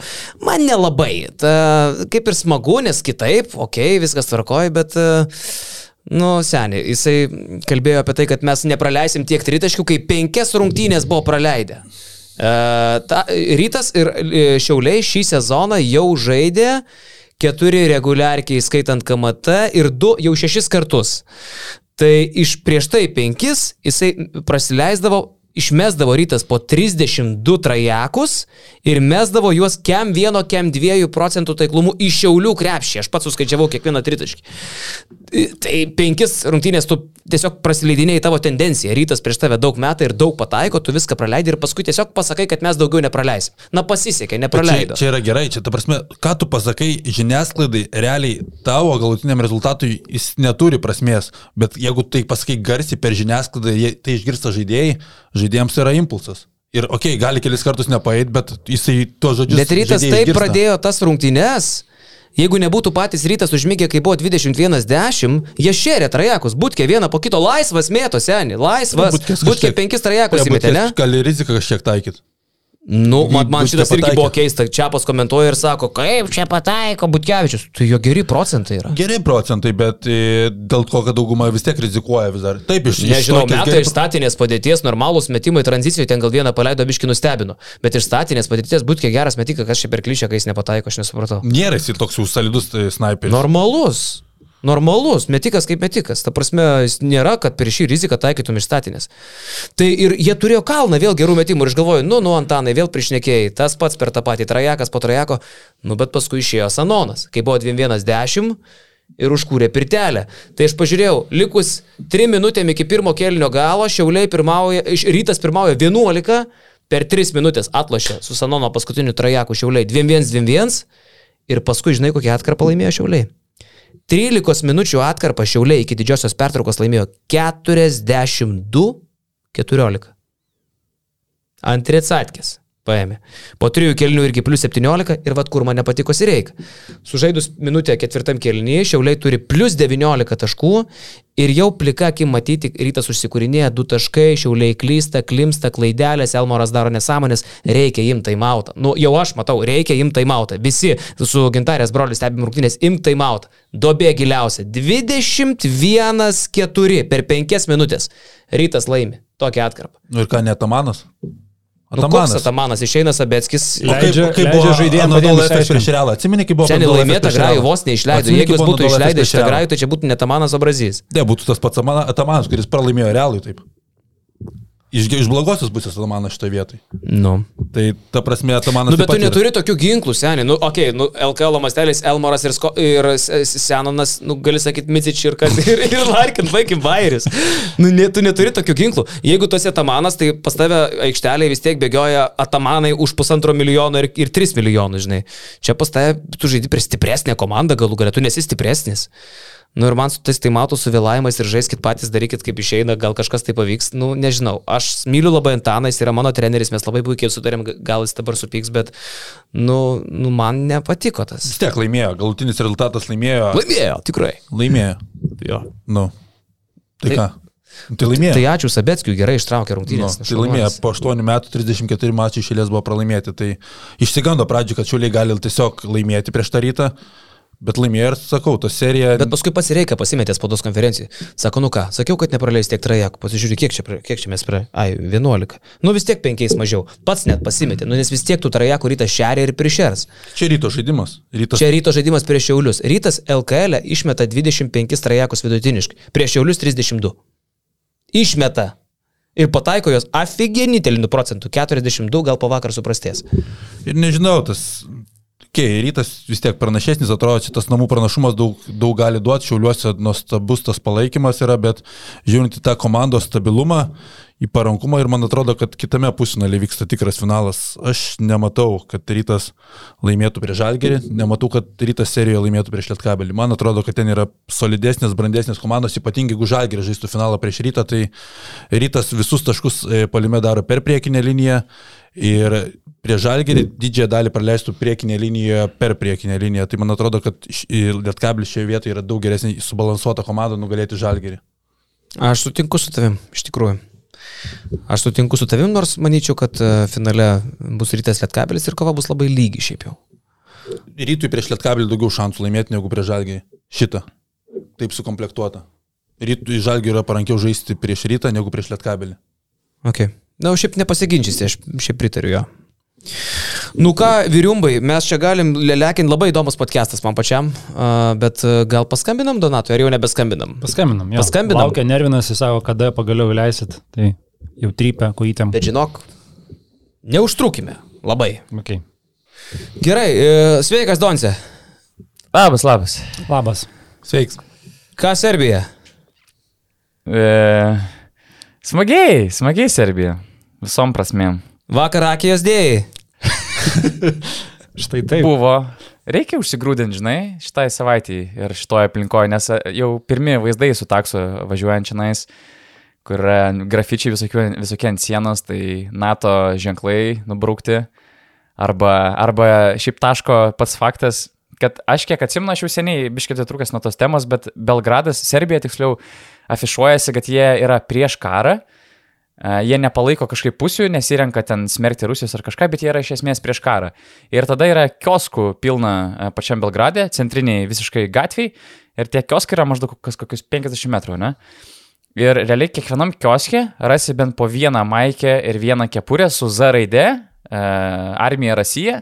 Buvo, buvom radę maikių, kur tiesiog yra meška e, ant, ant tos maikės ir kažkas sakė, kad ir Putinas ant tos meškos yra ir maždaug tipo period Rasija, kažkas tokio. Tai man šitas biški nesuklikina, jie kaip ir prieš karą, jie čia tik tipo gal nesirenka pusių, bet staiga Merčas eina puikiai į trasą su Rusija palaikančiais dalykais. Nes matai, mes tai, Tai- mes, tai, mes tai irgi prieš karą, bet mes už Ukrainą, bet pas mus kažkaip nėra merčio tokio, ne? Nežinau. Kaip čia taip nesueina galai kažkaip. Nežinau, man šitie labiau nesueina galai su oficialiais jų pareiškimais iš, iš to, iš Eurolygos e, Belgrado organizatoriaus, ten kur Pauliui Matijūnui laiškas buvo. Ten, man atrodo, labai aiškiai pasisakė, kad jie prieš bet kokį karą tiesiog what about, na, bet what about bet 1999. Piriot Rasija. Bet, bet pasirodo, va, meršas eina ir nieks nieko, viskas ok, gali nusipirkti. Atpažįsta, kad iš Lietuvos. E, Sutikom, mes, e, kaip, mes buvom pasirinkę tokią taktiką dėl e, pakankamai jautrių santykių dar, dabar tarp Lietuvos ir Serbijos. Buvom nusisprendę per daug ne, nesiafišuot, e, per daug nelysti gatves. Ir jeigu kas mūsų klaustų, kas iš kur mes esame, mes taip būtumėm pasakę, kad mes iš Latvijos. Bet vakar išėjom vakare, tiesiog Andris pavakarieniauti. Biedrins, ne? Pažiūrėjau, žiūriu jį ir matai Andris Biedrins. Mhm. Pava, pavakarieniauti, jo, Janis mes, Blum, tipo, Porzingis, Biedrins, Walters. Ir išėjom pavakarot ir pamatėm, kaip tik atsisėdom pavalgyti ir žiūrim, liko minutė tarp e, C9 Olimpijos ir Zvezdos rungtynių. Ir ten taškas į tašką. E, sustojom prie lango, laukiam, laukiam, ten tą minutę užsitęsė, taimautai, sakom, einam į vidų, e, nuėjom į vidų, sakom, padarom šotų, bent jau, kad, nu, nesėdėtumėm už dyką pažiūrėti televizorius. Padarėm šotų, ten šiaip nerealios rungtynės, ten nerealiai Zvezda išsigelbėjo pagrindiniam laikė. Ir pradėjo biški daugiau žmonių už mūsų, ten vienas senukas kažkoks atėjo, ten e, barmenės vyras žiūrėjo rungtynės, tada random bišas atėjo. Ir kažkaip žiūrėjom, žiūrėjom, wow, wow, wow, koks pratesimas. Ir mm, kažkaip bičias paklausė vienas, nes kažko klausė apie rungtynes. Paklausė mūsų angliškai, e, net serbiškai, mes jam atsakėm angliškai. Ir išsirutuliojo pokalbis, iš kur jūs esat. Na, ir aš po Rakijos vienos galvoju, ai, tai ką, ką čia mes gėdysime savo valstybės, galvoju, nieko, jo nevelnio. Tai sakom, nu, iš, iš Lietuvos, tipo. Ir sako, o, tipo, jų urbonas. Jo, jo, sakau, ir galvoju, kad kas toliau. Bet nieko, pozityviai viskas, sako, žiūrim podcastus, tipo, labai įdomu, viskas labai gerai, po, po to pasikalbėjom apie Partizaną, buvo Partizano fanas. Apie Partizaną, apie Zvezdą, pasižiūrėjom rungtynės, ten pasidalino savo serbiškais krepšinio experiences, tai labai geras buvo toks uh, experiences uh, su vietiniu kol kas. Tai ypatingai pasitikėjimo prieš visą likusią uh, savaitę. Visas jau komandos suskrido į finalo ketvirtą. Ne, tik šiandien vakare, tai mes eisim į viešbutį ir ten paparacinsim kažką, kaip gan vėlai atskris iš tikrųjų. O pala, Barsa ne vakar išskrido? Ne, šiandien. A, okay. Okay. Jau su Šaru sumušė pitakais. Net jie vakare atskrenda. A, jų, Tai dar, nėra, jų dar nėra. Ai, galvau, jau atskrido. Ok. okay. Ne, ne, ne. Donce, uh, jūs Belgrade esate trysia, kartu su Edvinu ir Gyčiu, Gytis mūsų vaizdo žmogus, e, Edvinas rašantis. Atvažiuoja darbas, kitinius Komhebros ir Graikas mūsų Jorgos ir Turkas Uigaras bus iš tikrųjų daugybė to turinio. Trupučiukas surimtėjant, e, kaip, kaip įsivaizduojate tą finalo ketvirtą, ko tikitės ir ko gali tikėtis pas mus skaitytojai tiek lietuviškai, tiek angliškai versijai. Blemba, manau, kad bus spalvingas finalo ketvirtas. E, Žinom, kad bus daug olimpijakos ir galių, kaip tik kalbėjom su serbu e, tuo fanu Bariukė vakar, kad ir daug zvezdos ir galių palaikys e, olimpijakos ar reisija arena. Tai bent jau iš fanų patirties, plus turėsime klasiko, iš fanų patirties ta atmosfera Belgrade tikrai bus fantastinė ir, ir manau iš to daug plauks temų ir šiaip e, mes irgi dabar potencialiai galvojamės e, temas apie Final Four ir daug visokių gerų uh, idėjų kyla, tad tarkim paskutinis Bel- Final Four Belgrade buvo, kai Luka Dončičius dar žaidė už Madrido Realą.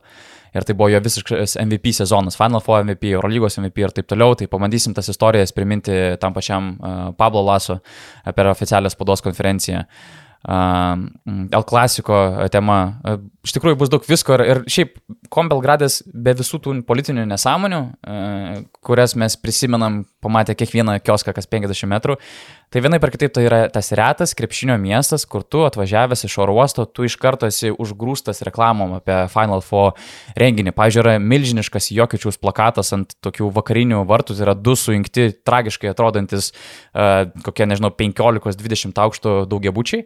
Ir pe, ant vieno iš jų, beveik per visą daugiabutį, kuris, sakau, yra maždaug 20 aukštų, yra Jokiečiaus MVP plakatas. Tai jau tave toks pasitinka uh, uh, reiškinys. Pilna Final Four reklamų. Tas pats Jokiečius yra ir ant Štarka arenos reklamos. Tai visas miestas e, gyvena Final Four, nedvėjoju, kad ir mes gatvėse sutiksim e, daug e, sirgalių, olimpijakose sirgalių. Tai jeigu atsimena 2018 metais, tai irgi buvo fantastiška atmosfera su daug žalgerio fanų, Fenerbakšė fanų. Tai vien tas experiences bus labai gyvas ir geras. Ir pats turinys krepšinio, man atrodo, bus įdomus.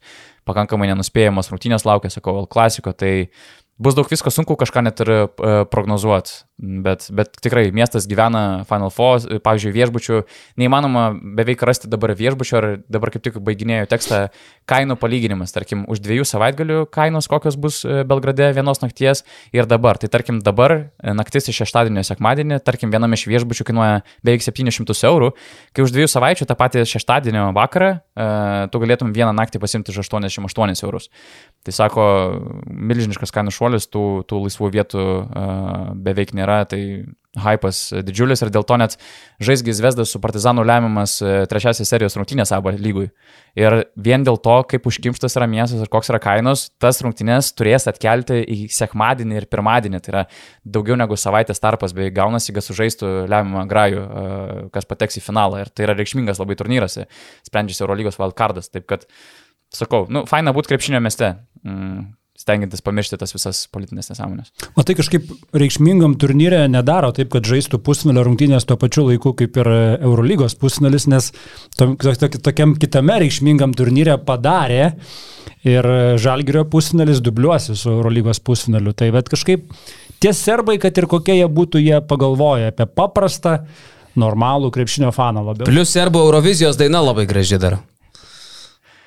Bet negali sakyti, kad pagalvoja, nes jie nebuvo nusimatę game free datų visiškai. Tai tarsi baigėsi rungtynės, uh, Budušnos netikėtai išlyginio seriją su Partizanu, reikia žaisti lemiamą grajų, nėra informacijos, kada bus sužaistas grajus. Ir dabar vat, vyksta va, tokie planavimai, strategavimai, tai čia to Bartakėlio tai tikrai trūksta. Bet pavyzdžiui, buvo idėja, kad jie žaistų, bent jau Partizanas galėjo, buvo tikimybė, kad žais e, Eurolygos finalo dieną e, rungtynių dėl trečios vietos metu. Tai buvo toks variantas, bet turbūt žais sekmadienį dabar. Kokia situacija yra dėl saugumo? Nes prieš viską, va ir pats turėjai kažkokių tai abejonių, kaip ten su saugumu bus. Kas girdisi, ar serbai negali kažkokių provokacijų renkti pusnulio ar finalo rungtinių dieną? Taip, galų gale Lekšas su Višniausku net nevažiavo komentuoti tenai, nors irgi buvo toks planas. Jo, tai aš ten sakau, esu, buvau sulaukęs kokių gal dešimt mažiausiai Twitterio, Instagramo žinučių, kad laukiam tavęs Belgrade su NATO vėliavom. Uh, Tai ir, ir, ir ne tik dėl grasinimo, bet ir šito viso fono šalyje, šalies, į kurią mes važiuojam, iš esmės, nu, iš esmės nušviesti krepšinio, man irgi buvo abejonių. Bet žinai, kažkiek laiko praėjo, tos kažkiek emocijos irgi atslūgo, aš manau, kad jos atslūgo ir pačioj Serbijoje. Ir nors, kiek žinau iš Eurolygos Final Four organizatorių, ir jų bendravimo su policijos pajėgom, su visom apsaugom. Nu, čia, čia policijos pajėgos nėra šiaip apsauginiai pirėjai, kurie ten mm, nesulaiko visiškai invazijos į aikštę, čia yra robokopai, čia yra antiriaušinės pajėgos. Tai jie sako, yra pasiruošę absoliučiai viskam, e, maksimalus susitelkimas, daugiausiai yra akcentuojama galimos demonstracijos prie arenos e, Final Four metu. Bet jeigu atvirai, matant šitą saulėtą Belgradą, tarkim dabar Belgrade 25-30 laipsnių, matosi tokie chill žmonės, e, labai daug žmonių mieste, yra daug ir turistų. Man sunku įsivaizduoti, kad dabar kažkas eis daryti demonstracijų Final Four metu, tikrai nesijaučia kažkokios įtampos saugumo klausimo. Galbūt tai pradės jaustis, kai artės pirmosios rungtynės, mes čia dar labai anksti, bet, bet ir iš pačių Eurolygos žmonių, aš kiek girdėjau, tai šiek tiek yra nurimę ir galbūt to tokio jautrumo nebėra, koks jis buvo prieš mėnesį, kai sukilo visas šitas šaršalas. Na, bet Barcelona labai lietuviška komanda, ten kiek penki lietuviai su treneriais skaičiuojant, ar ne? E, kaip tu galvoji, jie bus pasitikti atitinkamai? Juk pats sakai, kad daug serbų bus arenui. Blemba. Žinok, nemanau, aš tikrai nesitikiu kažko, kad būtų nukreipta konkrečiai prieš lietuvius. Ne, tikrai ne. Man nemanau, kad lietuviai yra čia kažkoks pagrindinis dabar taikinys. Prieš mėnesį taip nekalbėjai, Donce. Nu, nes prieš mėnesį buvo jautru, tikrai, nu, kai ta, tave eina tos visos žinutės, kad maždaug laukiam Belgrade ir taip toliau. Ir, o tai kaip buvo, tau, žinai... serbai, tau serbai rašė per Twitterį, Instagramą su tokiam, su tokiam užuominom, kad maždaug tavęs čia laukia Belgrade šventė? Jo, jo, nu, tiesiog literaliai tokiu atviru tekstu. Jo, su NATO vėliavom šiandien. Tai... Rytis, rytis to paties, man atrodo, sulaukė, tai galiausiai mes liekam Vilniui. Jo, bet, nu, sakau, kažkaip praeina laikas ir žiūri į kitaip visai dalykus. Kaip Donse apgyvendinimas, pastatą Nina būte gyvenate, kaip sekasi dalinti su Gyčio lova, ar viskas gerai? Ne, Gytis e, užsiemė iš karto sofą apačioj, mes aukštesniai kastui su Edviu, ant lofto antrame aukšte atsigulė po vieną tą vaikišką lovytę. Tai Jablon, Edvis Jablonskis? Taip. Jo, Jablonskio vaikiška lovytė, tai kad jis dviejų metrų. Smagiai trina kojytės, dabar visas patenkintas. Tai kad ten ne kojos, o lastai. Ne Edvis, ne, Edvis tvarkingas. Jis kaip mūsų apsauginis, mes iš esmės realiai pasimėm dėl apsaugos šiandien. Aš dabar supratau jo misiją. Tai nesuprasi. Tai galbūt dėl to aš irgi toks ramus dabar esu. Nesuprasi, ar ten Edvis, ar ten Miroslavas Radulica. Tai... Tai va. Šiaip Edvis dabar labai sukūdęs, pastebėjai, jisai ir įgavęs tokį judrumą. Lab, labai gerai atrodo, iš karto visai kitas šoninis, jo greitis yra tikrai toks gyvesnis. Stretch 4. gudresnis. Stretch 4. Iš klasikinio centro tapo. Stretch 4 tikrai. Jonas Braunas praktiškai. Tai jo. Nežinau, ar mes praignoruosim faktą, kad aš sėdžiu su gandro kostiumu, kaip tu manai? Um, man labiau patiktų, jeigu būtum užsidėjęs. Nes Žinai, kaip mačiau visiem storiuose, kad tu patiktų, bet jis kažkaip užsidėjęs. nusi- Siema bet dabar su tom ausinėm čia yra praktiškai neįmanoma. Įmanoma viskas tik reikia. Tai reikia Viskas norėt. įmanoma, tik Čia dabar, taip, čia dabar yra taip karšta, žinok, aš jau čia baigiu suprakaituoti. Ir aš, ir aš bijau įsivaizduoti, kiek žmonių yra prakaitavę šitame kostiume ir aš esu dar vienas tiesiog iš jų. Parodyk Doncijai kojytę savo. Bet šitą podcast'ą Neprikels. tikrai, manau, buvo sunku tave rimtai vertinti ir klausyti tavo kažkokių krepšinio įžvalgų. Bet buvo labai piktas podcastas šiaip. Ne? Jo, piktokas. O dėl ko? Žinok, ko- dėl ko kažkaip va, taip viskas, viskas buvo koncentruota iš esmės į Paulių Motejūną šiandien. Matai, trys kauniečiai susėdo ir pyko, žinai, ant žalgerio. Tu Ai, kaip, tu kaip panevežėtis, tu aišku džiaugiesi, kad, kad... Ne, mes su pusfinalio Edvi, serija mes, bet mes irgi, kur džiaugiamės dėl Lietkabelio, mes abu panevežėčiai, bet, nu, tipo, jau galė tiesiog scrollinom telefoną. Taip įprasta, kad čia Lietkabelis daužo dabar e, žalgerį, kad, nu, visiškai nepaliko didelio įspūdžio. Tiesiog taip ir turėjo, nu, kažkas, ko tik, tikėjomės. Turbūt panevežė ekraną pergalės labiau džiaugsmo suteikdo prieš BK Kauną. Be abejo, be abejo.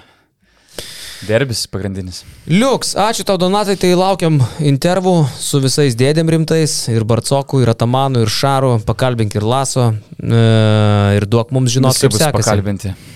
Būtinai, būtinai. Čia, Braškė. Sėkmės, gerų darbų. Saugiai tęsim kelionę. Iki. Iki. Iki. Viskas, vyriukai. Nu ką? ačiū ir jum. Uh, visai smagu buvo. Smagu.